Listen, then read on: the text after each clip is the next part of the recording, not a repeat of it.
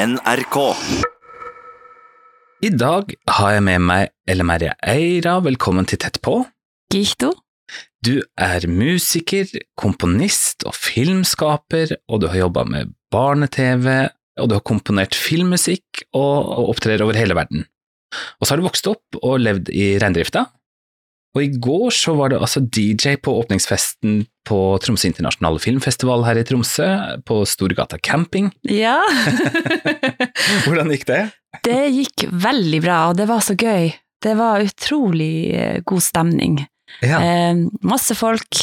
Og så spiller vi jo bare musikk som vi sjøl liker, og det er jo for det meste urfolksmusikk. ja.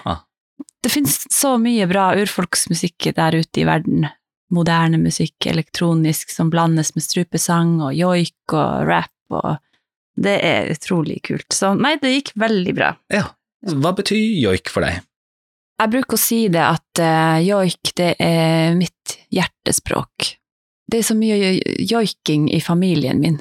Det er omtrent alle sammen som joiker der, og lager uh, nye joiker, men også joiker gamle joiker. Det kommer fra hjertet. Det, jeg føler at joik er inni blodet mitt. Og sånn er det også for eksempel hvis jeg joiker min oldefar sin joik så føler jeg at han er så nær meg, da. Den fineste måten å kunne minnes eh, mennesker på, det er å joike den personen. Mm. Joik er jo også en gave man får, og jeg fikk min joik eh, hos pappa. Han laga den til meg. Og han hadde også laga joik til søstrene mine. Og så la jeg merke til at min joik var litt eh, annerledes, den skilte seg litt ut, og jeg spurte pappa at eh, min, joiken min den virker litt komplisert. det er ikke så enkelt å joike den. Eh, så sier han ja, ja, det, det, stemmer nok det, men du er jo en veldig komplisert person, Ella Maria. Den mest kompliserte av døtrene mine. han mente det positivt. Mm. Joik er jo sånn at den går i sirkel, eh, og jeg la merke til at min joik er ikke sånn, han går aldri tilbake til start, startpunktet. Og det spurte jeg også han, hvorfor, hvorfor er min joik sånn? Som, ja, den, den, er veldig merkelig. Mm. Så sier han ja, det, du er jo Ella Maria sånn som aldri ser deg tilbake. Og det syns jeg var veldig fint. Så det er så Joik har så mange lag, Mm. og den er så personlig. Nettopp. Husker du um, første gang han, han joika deg? Jeg fikk min joik eh, når jeg var 30 år, i 30-årsgave. Da visste jeg ikke at han hadde laga en joik, og han joika det i bursdagsselskapet mitt. Det var så fint, og han er jo så dyktig å joike. Pappa jeg har, jeg har jo vært min læremester, altså min mentor, og han er så dyktig å komponere joiker. Eh, men det er noe, noe, helt spesielt når din egen far eh, joiker deg, som han har komponert. Så nei, jeg ble veldig rørt, og det var veldig vakkert og fint. Ok, En ting er, er når du sjøl joiker eller hører, men eh, har du den med deg i andre deler av livet? Hvilke rom er det det griper inn i? Ja, jeg bruker eh, joik i det meste. Det, joik er grunnlaget i alt jeg gjør. Når jeg lager film og komponerer musikk, og, eller når jeg jobber med kunst generelt. Så bruker jeg joiken, jeg ser på strukturen til joiken, og så er det jo det her med den her historien, den tradisjonelle muntlige historiefortellinga, da.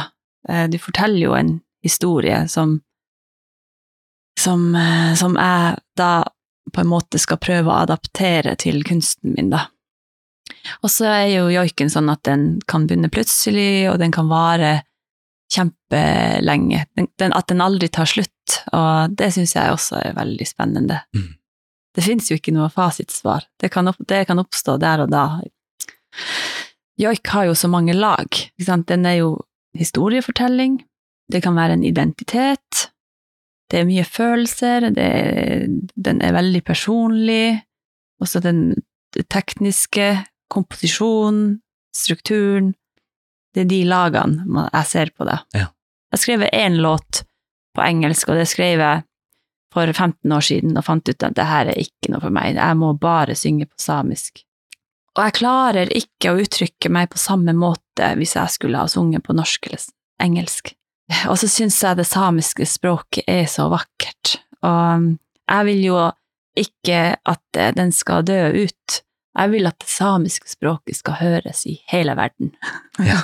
Jeg vil at eh, vi skal bruke språket aktivt, og hvis vi ikke gjør det, så er jeg redd for at eh, den blir fattigere, og at den forsvinner. Så er det jo en helt annen rytme i det samiske språket. I 2015 så hadde du fast jobb, og så bestemte du deg for å si opp og satse for deg sjøl. Hva var det som lå bak? Jeg jobba jo egentlig nesten døgnet rundt. Jeg sov veldig lite. Jeg sto opp, dro på jobb. Etter jobb så satt jeg og jobba med musikk. Og på kvelden senere så kunne jeg sitte og skrive manuskripter til kortfilm. Så jeg holdt på med musikk, spilte konserter, og produserte en kortfilm, og, og så regisserte jeg også en kortfilm. Mm. Mens jeg jobba i NRK og har barn og familie og, og reindrift og Da gjorde jeg det. Bare sa jeg opp og kom hjem og fortalte til kjæresten da at eh, nå har jeg sagt opp, og han fikk bakoversveis og bare spurte meg hva har du tenkt å gjøre? Hva skal du leve av? Når man hører på sin indre stemme, den magefølelsen, og jeg har en veldig god eh, intuisjon, føler jeg sjøl, Mm. det var noe som sa til meg at nå må jeg si opp, og det var grunnen til at jeg sa opp. Ja. Jeg hadde jo ikke en eh, spesiell god plan på hvordan skulle jeg tjene penger.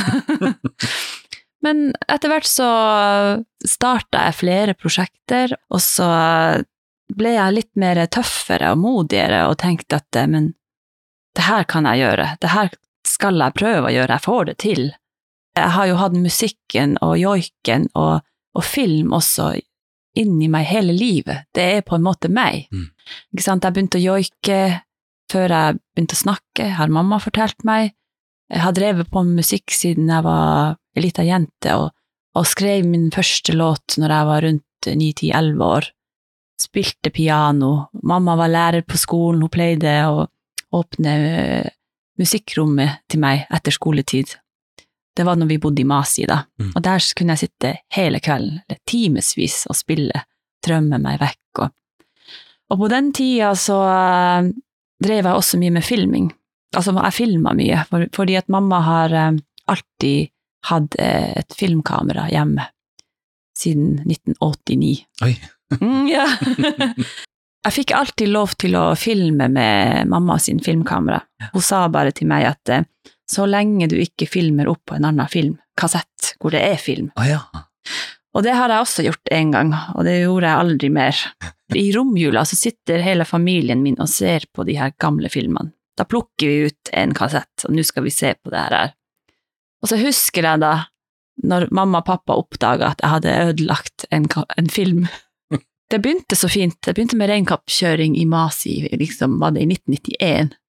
Og så ser jeg, ser jeg besteforeldrene mine, tantene, onklene mine, pappa og meg sjøl, og så går det ett minutt, så blir det svart, og så dukker jeg opp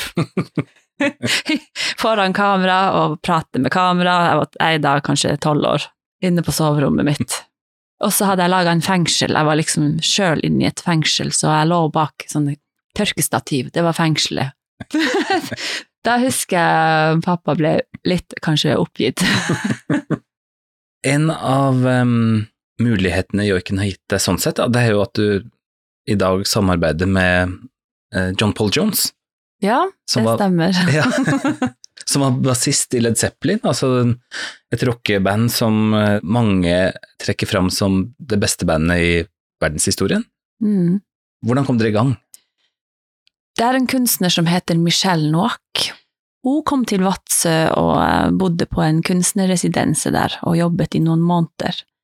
Men før hun skulle reise hjem, så hadde hun lyst til å gi en gave til Vadsø, og spurte om hun rett og slett kunne lage eller arrangere en liten festival. og de i Vadsø sa ja. De musikerne hadde sagt at de har lyst til å lære litt mer om samisk musikk og, og joik, rett og slett. Så skulle vi ha en workshop med de, med de her, da. Og ingen hadde fortalt meg på forhånd hvem jeg skulle møte. Og så var det min tur, da, og så sier jeg jeg har lyst til å utfordre dere. Jeg har lyst til å joike, og så hvis dere vil, det er opp til dere sjøl, så kan dere bli med og spille, jamme med meg, improvisere. Det er, det, det er jo det jeg elsker, jeg elsker å improvisere. Så begynte vi. Jeg begynte å joike, så ser jeg at de tar instrumentene sine og begynner å spille liksom én etter én, og så følger de meg, og jeg følte på en måte at de holdt litt igjen. Så pek, ser jeg på han John Paul Jones, og så peker jeg på han, så sier jeg Give me more power! jeg følte på en måte at de, de, de virka så redde, og så liksom sånn, de torde nesten ikke å spille, så forsiktig, og Mm. Men de sa det til meg i ettertid, de var redd for å liksom å ta over og prøve å overkjøre meg, men det bor jo en, eh, et, et, et monster i meg òg, så jeg, jeg vet å ta plass, og jeg kan ta plass. Så det fremførte vi, den joiken, da, samme kvelden, var det vel, på Ice Station Vadsø. Ok. Og da, jeg husker også før jeg kom dit, jeg hadde vært i reingjerdet og jobba hele natta. Og jeg hadde så dårlig samvittighet for at jeg hadde reist fra reingjerdet, og jeg visste at familien min var der og jobba, og de var sliten, ikke sant. Men alle skal jo være til stede når, når vi har reinflokken i gjerdet. Mm. Det er ingen bønn, da avlyser jeg alt. Mm. Jeg skal dit. Men jeg husker at jeg fikk veldig dårlig samvittighet. Det var ingen som var så begeistra over egentlig at jeg skulle til Vadsø i familien min. Jeg tenkte, som vi bruker å si på samisk, det vil si fære dit og, og drive med døll. Skjønner du? Men jeg er veldig glad for at jeg tok det valget, at jeg dro dit og Mm. ble kjent med de. Så innleda dere et, et samarbeid. Hvordan jobber dere sammen nå, da? Vi starta bandet Snow Eye, og så har jeg vært en del i London, jobba i studio med dem, og det jeg opplevde første gangen jeg var i studio med, med John, var at han eh, ville at vi skulle gjøre alt sjøl.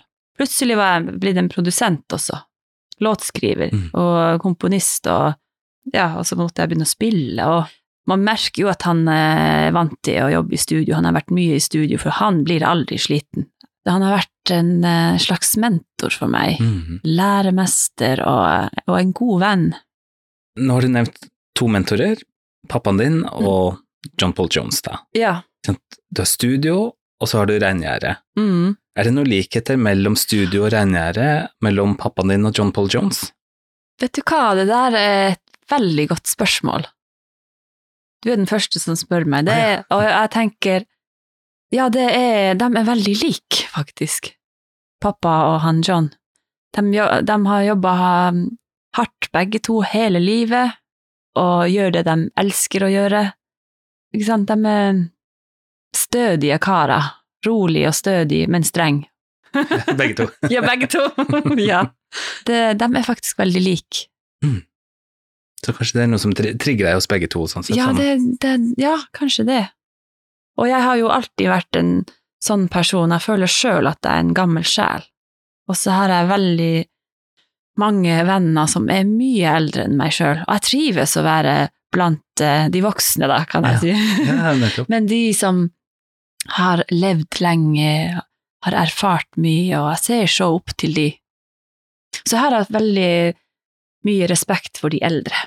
Det har jeg alltid hatt. Hvorfor det, tror du? Jeg har vokst opp med begge besteforeldrene mine, både på fars side og mors side. Og um, jeg har lært så mye hos de, og de har vært også sånn både streng og snill. Ja. Men jeg føler på en måte at takket være dem, så er jeg her i dag. De har gått den veien for meg, sånn at det blir mye lettere for meg. De er grunnen til at jeg snakker samisk. Jeg har reinsdyr, har mitt eget reinmerke, har vokst opp i reindrifta. De er grunnen til at jeg bor i Kautokeino. Så hvis jeg noen gang blir redd, for eksempel, så bruker jeg å tenke på mine besteforeldre. Jeg tenker alltid at de er med meg. Forfedrene mine er med meg, så jeg, jeg, jeg trenger ikke å være redd eller Maria Mm. hvis jeg blir redd. Mm. Mm. Og så er du veldig trygg i forhold til din samiske identitet òg, nevnte du for meg. Ja, eh, det har jeg alltid vært. Eh, Jeg har aldri vært i tvil eh, på hvem jeg er, hvor jeg kommer ifra, og hvor jeg hører til, og, og det er også takket være forfedrene mine. Mm. Mm. Så jeg føler meg veldig trygg og stødig og veldig heldig som har vokst opp i en samisk familie hvor alle snakker samisk, hvor de fleste joiker, og, og den naturen vi har rundt oss. Vokse opp i reindrift er noe av det beste i livet. Jeg har lært så mye, og jeg føler at jeg har så mye kunnskap, og bare det å være ute i naturen Du kunne ha kasta meg på en måte hvor som helst, jeg tror jeg ville, jeg ville ha overlevd. Ja. og det rike språket vi har, mange av de ordene kommer fra reindrifta, altså ord som hører til været, snøen, eller eh, ord som hører til eh, reinsdyr. Reinhorn har masse navn, og dorchi, ikke sant, Mm. det er så utrolig rikt språk. Eh, og så har vi, får vi fantastisk mat, og så har vi en enorm kunnskap om det å overleve i arktiske områder. Mm. Så det er så mye vi får Ja. fra reindrift. Er det, har dere noen utfordringer i reindrifta, da? Det handler jo om uh, å overleve i reindrifta, og det å kunne leve et vanlig og et normalt liv. Så for meg, jeg føler at det er alltid en kamp. Det er en kamp eh, for å bevare tradisjonene, kulturen, en, en kamp eh, mot eh, diverse inngrep, arealinngrep, Mm. for eksempel Statnett holder på å bygge en monsterkraftlinje tvers gjennom vårt sommer- og tidlig høstbeiteområde. Mm. Og da mister vi mye beitearealer, da. Og det er jo selvfølgelig sånn at eh, når man mister arealer, så vet man jo ikke hvor man skal dra. Vi har jo ikke en, en annen plass å dra til. Og det har jo vært utrolig eh, tungt og trist. Jeg og søstera mi, vi har eh, fulgt familien vår, og, og spesielt hun søstera, hun Miley Seira. Hun har vært med og filma på nesten alle de rettssakene vi har vært i, bare for å dokumentere, og jeg har også vært og filma med henne, så eh, jeg husker eh, en gang når eh, de skulle ha befaring, altså det var advokater, så var det familien vår, altså vårt reinbeitedistrikt, og så var det mm, noen dommere, tror jeg, og Statnett-folk, som kom med helikopteret, og, og pappa skulle jo fly med dem, og onkelen min. Og, og det var vel første gangen jeg hørte pappa sa på en indirekte måte, han sa det ikke til meg, han sa det til advokaten vår, men jeg sto ved siden av, og det visste han jo, jeg sto og filma det, så sa han det at eh, ja, det er ikke noe fremtid i, i reindrifta, hvis det skal gå sånn her, at vi mister beitearealer. Da har vi ikke noen, et sted å være. Mm. Og det er jo veldig synd og trist å tenke på. Og så opplever man jo i tillegg eh, klimaforandringer, at klima den, den har endra seg, og det her Altså, dette her har jo eh, min pappa fortalt til meg, han merker store forskjeller fra han var ung til i dag. Været er blitt mye mer ustabilt. Eh, det kan jo plutselig begynne å regne midt i januar i Kautokeino, det er jo ikke normalt. Vanligvis har vi jo mellom 20 og 30 minus. Mm. Og det skaper også utfordringer i reindrifta, fordi at hvis det regner en dag, og så blir det kaldt neste dag, så, så fryser bakken. Det låser seg. Vi bruker å si det på samisk at beita låser seg, det vil si at reinen kommer ikke gjennom isen og ned og finner beite. Mm.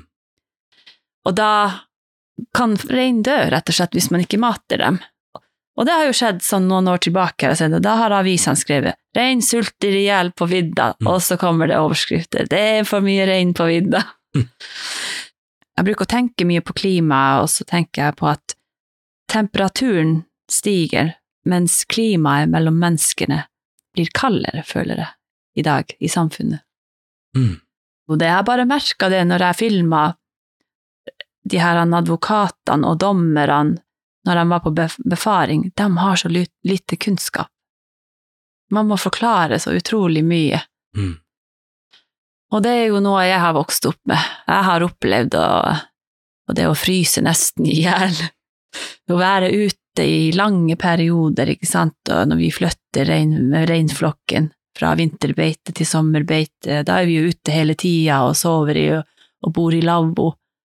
og flytter for det meste på natta, fordi da er det kaldt og det er sneen er hard, og så sover vi på dagtid. Mm. Veldig fint liv. Men hva tror du om din framtid i reindrifta, da?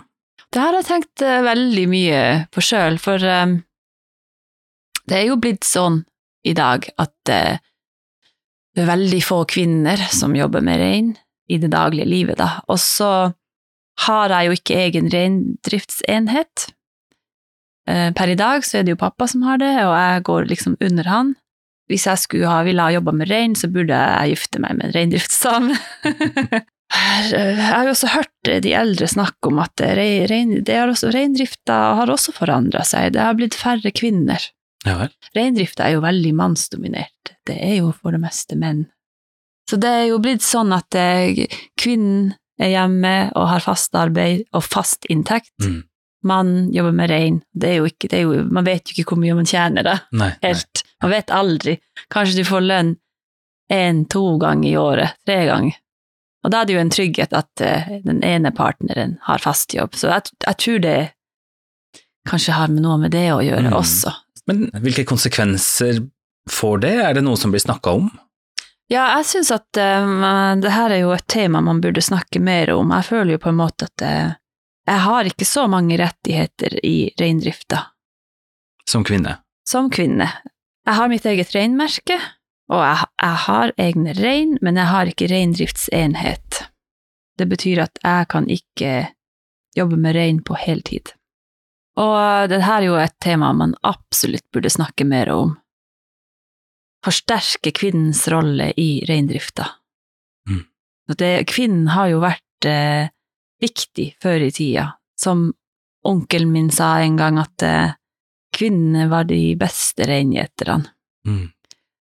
Men også, det er jo kvinnen som eh, jobber med dochi, også samisk håndverk, som syr skallene, og det er, mye, det er jo masse, mye prosess fra du slakter et reinsdyr til du har, et, har ferdige skaller. Ja.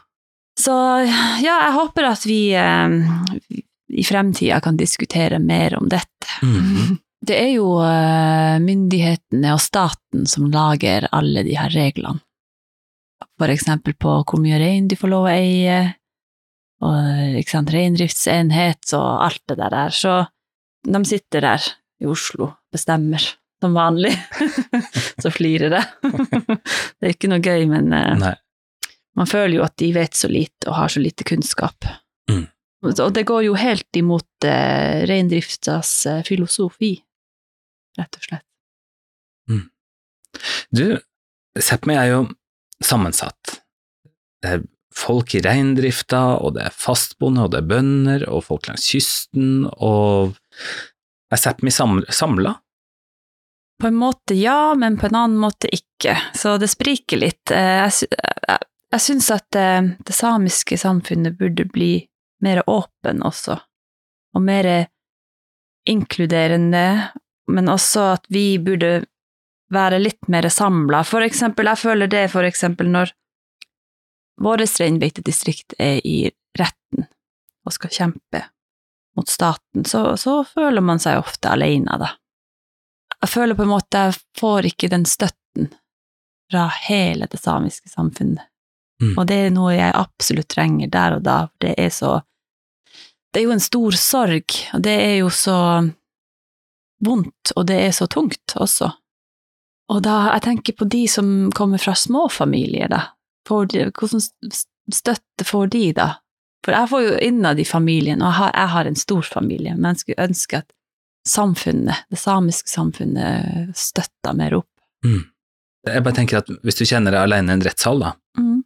eller at familien er en, er en rettssal, eh, så kjenner du deg alene der, men så omfavnes du Ja. som artist. Ja, det er en stor kontrast. Ja. Jeg forteller jo gjerne de her historiene mine og opplevelsene mine på scenen til publikum, for jeg føler et stort behov for å snakke om det, lyst til å dele det her med samfunnet, og få de til å forstå. Jeg bruker på konsertene mine vise film, samtidig mens vi spiller musikk eh, på scenen, og så gjør jeg en performance av det, da, eh, og prøver å fange publikummet føre dem inn i min verden, da, og, og sånn at de skal bli bedre kjent med meg og, og om historiene våre. Mm. Du var jo innom det med at du dokumenterte flere av rettssakene som, som familien har stått i, da. Hvordan var det å, å vise fram din film i Tromsø på filmfestivalen i fjor, da? Det er jo kjempestort. Vi hadde premiere. Kjempespennende var det. Men både jeg og min søster Miley Seira, vi visste jo hvilken film vi hadde laga. For det første så hadde vi lyst til å lage en film uten filter. Første delen handler om eh, Alta-aksjonen, og den andre delen handler om eh, reindrifta, altså kvinner i reindrifta, og utfordringene som de møter. Og den siste delen, der møter vi fire heltinner, litt mer retta mot fremtida, men samtidig så reflekterer vi og ser tilbake i historien, og så gjenskaper vi på en måte historien. Så det er jo en veldig politisk film, hvor man egentlig bare får se én side av saken, og det er vår side mm. av vår historie. uh, der kritiserte vi jo veldig kraftig, blant annet de her selskapene som uh, driver og, og bygger uh, kraftlinjer og vindmøllepark, og hvor vi også tar opp diskusjon om gruvedrift og sånne ting. Mm. Så jeg var veldig redd før vi dro hit men jeg husker eh, mamma sa at dere må iallfall ta med dere kofta, for når dere tar på kofta, så blir dere veldig sterke. Og det gjorde vi. Og vi visste det at vi kommer til å få kritikk for denne filmen, både fra andre filmskapere, fra de profesjonelle om formen og måten de har laga den her på, men også kritikk fra de som er for eh, gruvedrift, for eksempel. Mm. så um, vi gikk inn på eh, kinosalen, men så får vi begge to sånn panikk og løper ut når filmen begynner. Jeg tror at vi var redd for å møte folk, at det at folk kom til å stille, eller, stille spørsmål eller kritisere oss etterpå. Mm. Og jeg har jo også opplevd det at jeg har vært eh, var i um, Kirkeneskonferansen i fjor og viste filmen, og da var det enkelte mennesker som gikk ut av salen i sinne. De forlot konferansen, mm. og de hadde klaga til konferansen, Mm. Men det jeg opplever igjen, at denne filmen har blitt vist på flere festivaler uh, ute i verden også, og vi får enda forespørsler nå, men jeg føler at den når ut til så mange. Filmen er veldig sterk. Ja. Altså, de som kritiserer, har de et poeng? Dere, dere søker jo ikke kanskje en objektiv sannhet sånn sett, men å belyse hvordan dere rammes? Vi forteller på en måte vår historie med stemmen vår, for jeg føler at den historien blir ikke hørt så veldig ofte jeg tror det er også vi hadde et behov for å få ut det her. Mm. Fortelle til folket, få folk til å skjønne hva det her handler om, få folk til å diskutere, skape en debatt. Vi hadde jo ønske om det. Men det var et bevisst valg at vi ville kun fortelle vår historie. Ja. Du, hva er planene dine videre nå, de neste, neste årene? Hvor, hvor, ønsker du Hvilken retning ønsker du å ta sjøl nå? Jeg har jo eh, noen prosjekter som jeg jobber med, flere under utvikling, og noen som er under produksjon, så, så jeg holder på å skrive mye musikk, og, og så skriver jeg mye tekster, og, og, så holder jeg på å skrive en manuskript. Og det kommer nok til å ta tid før eh, ting kommer ut. Og det er mye spennende som skjer, det er det. Vi skal følge nøye med. Elle Merje Eira, tusen takk for at du var med i Tett på. Tusen hjertelig takk for invitasjonen.